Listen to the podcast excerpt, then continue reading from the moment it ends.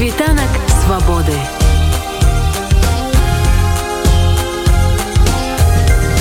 Спіць вольнасці учора у есе байны ты рунет абмяркоўвал на віну наступную Святлана тихохановская 26 кастрычніка дала інтэрв'ю уплывоваму расійскаму меды эхо Москвы размову праводзіў асабіста кіраўнік радыёстанцыі вопытны журналіст Алексей венедыктаў інтэрв'ю яшчэ да свайго з'яўлення толькі сваім трэйлерам выклікала вялікі інтарэс а пасля і рэзананс яго зараз абмяркоўваюць у меды у соцсетках аналізуюць аналізуюць і выказваюць розныя здагадкі відавочна што такое інтэрв'ю не магло з'явіцца знянацку і без ведама крамля. Як відавочна і тое што венедыктаў не быў зацікаўлены задаваць нязручныя вострыя пытанні хаця ён вядомы сваімі здольнасцямі разносіць пры жаданні апанента я пацікавілася што думае наконт гэтай слушнай падзеі беларускі журналісты палітолог валер карбалевич. Самое главное у гэтым інтэрв'ю не ягоны змест а сам факт того что яно з'явілася на таким уплывовым вядомым дастаткова папулярным ресурсе як эхо москвы зразумела что хоць эхо москвы і з'яўляецца апозіцыйным ресурсам тым не менш яго апозіцыйнасць адносная гэта газпромаўскі ресурс і таму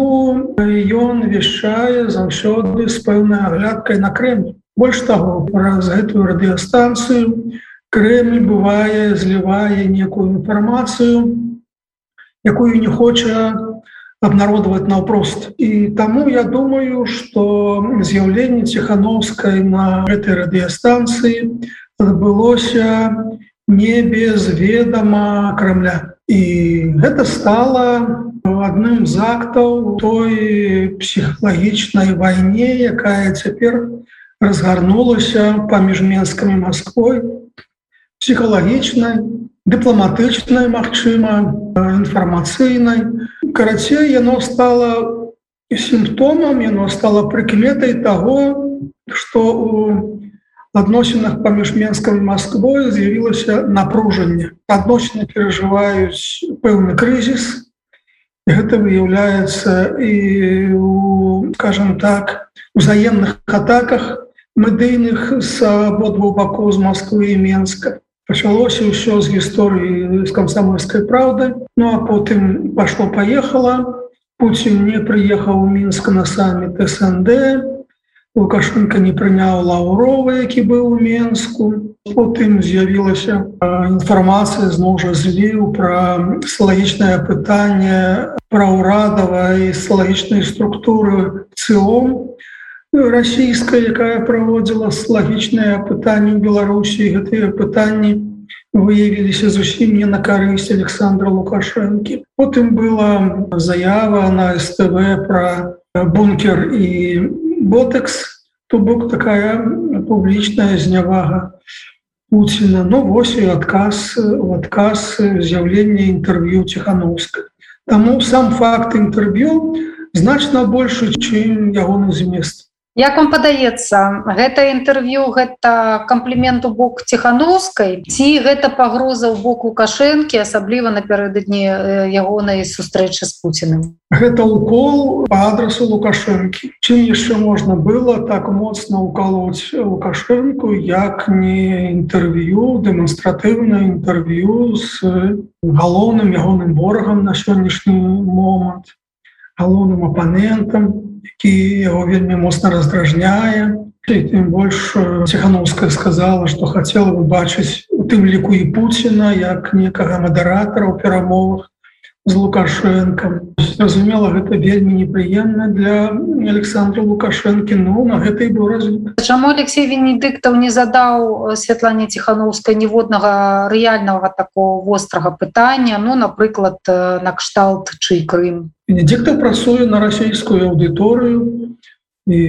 ён працуе на рэйтынг ён задаваў тыя пытанні якія могли выклікаць цікавасць у расійскай аўдыторыі тым больш что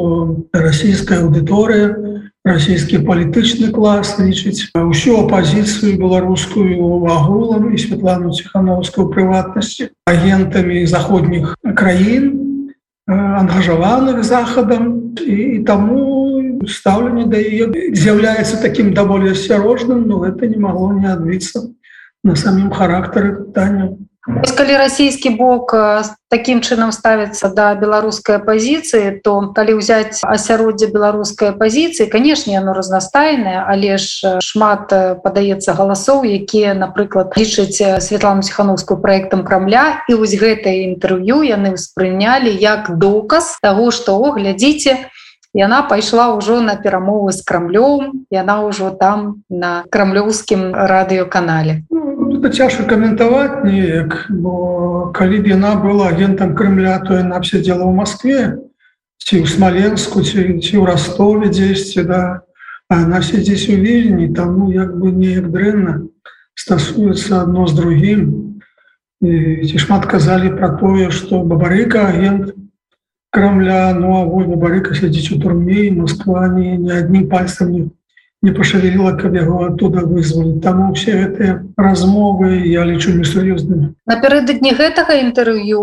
пасля того скандалу что вы узгадалі з ботексам і бункерам у расійскай інфармацыйнай прасторы таксама гучалі выказы уплывовых расійскіх журналістаў якія можна назваць ну такімі досыць жорсткімі у бок беларускіх прапагандыстаў. Напрыклад там тая ж ціна кандылакі выказалася у бока азаронка як вам падаецца гэта ўсё такія супадзенні незалежныя адзін ад аднаго выпадкі альбо ўсё ж таки нейкая такая спланаваная інфармацыйная кампанія пачынаецца? Калі казаць беларускага боку гледзяща такога то зразумела что беларускія тэлеканалы жорстка кантралируюцца палітычнымі ўладамі і без іх дазволу без іх ведама скажем так абраза на карысць кіраўніка суседняй саюзнай дзяржавы былі б немагчымы что тычыцца расійскіх медыяў ну там больш разнашорстнасці больш пэўнай незалежнасці існуе ну калі казаць про федеральныя каналы так яны даволі жорстка кантралююцца крымлем А что тычыцца астатніх ресурсаў там трохі больш свабоды нават тых тых ресурсаў якія з'яўляюцца праўладнымі якія арыентуюцца на на Крэль ўсё ж там свабоды трохі больш асабліва ў такіх выпадках як у, у, у звязку з лукашенко вот. Таму я думаю что ці ёсць загад на может можа няма загаду некага скармля але прадастаўленне большай свабоды і, і предоставление магчымасці нешта так сказать уколот лукашенко ну вось такі даспол Мачыма мэды атрымалі ці яны самі адчуваюць что можна что нельга і самі адчуваюць у якой меры можна цяпер лаяць э, лукашенко.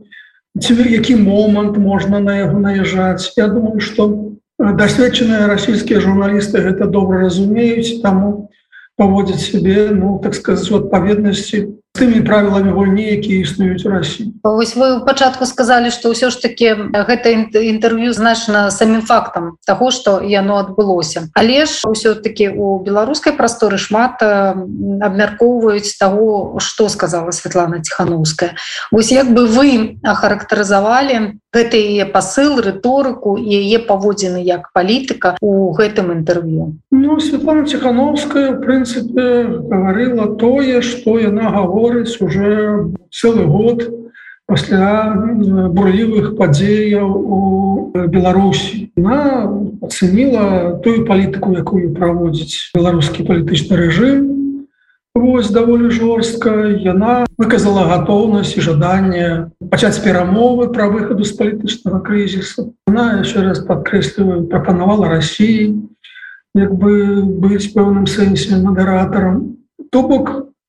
нічога новага яна не казала калі глядзець на я шматліківыя інтэрв'ю каментары выступы. Цягам этого то прынцыпе она казала тое самае. Іншая справа што для расійскай аўдыторыі Магчыма гэта ўсё выглядала нечаканым. Прынцыпе я не, не, не бачу да чаго тут можна было б нешта прыдрацца у інтэрв'ю гэтым. Ну дастаткова было ў стылі самой Святланы ціхановскай не горшае не лепшае за іншыя інтэрв'ю за іншыя каментары з аднаго боку Москва падтрымлівае рэжым лукашэнкі з другога боку ён ужо стаміў Крэль і некаторыя ўплывовыя сілы. Гэта інтэрв'ю гэтыя гэтыя стасункі могуць яны насамрэч стаць вось першым таким крокам мосцікам да таго каб Москва ўжо пачала аддаляцца ад лукашэнкі. Я не думаю что Москва готовая увогуле вступаць у некія сур'ёзныя контакты с апанентамі лукашэнкі асабліва з тымі якія жывуць у краінах захаду краінах еўрапейскага звязу я не лічу гэта інтэрв'ю паваротам Москвы у беларускім пытанні это просто быў укол что называется фехтавальны які павінен быў паказаць лукашенко что трэба прытрымлівацца нейкіх правил трэба прытрымлівацца дамоўленасцю трэба выконваць свае абяцанні і калі не будуць гэтыя гэтыя абяцанні выконвацца ну вот то Москва можа так сказаць працягваць вот такую лінію на контакт. То бок это скорее была пужалка хутчэй пагроза на адрес лукашэнкі але не больш за тое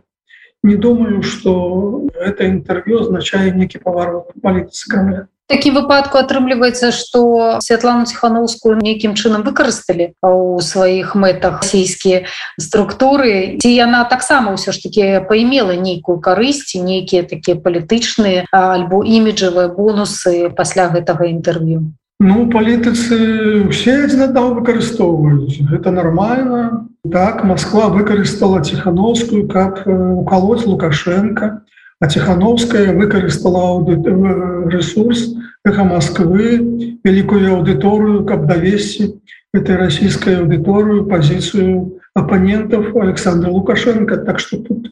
все як бы все нормально баланс тут абсолютно аднолькавы і все засталіся задаволеныя при сваіх інтарэсах что называется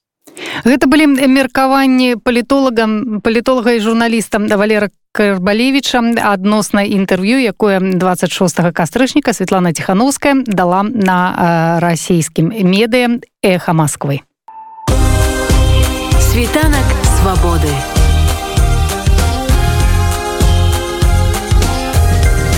Спіць вольнасці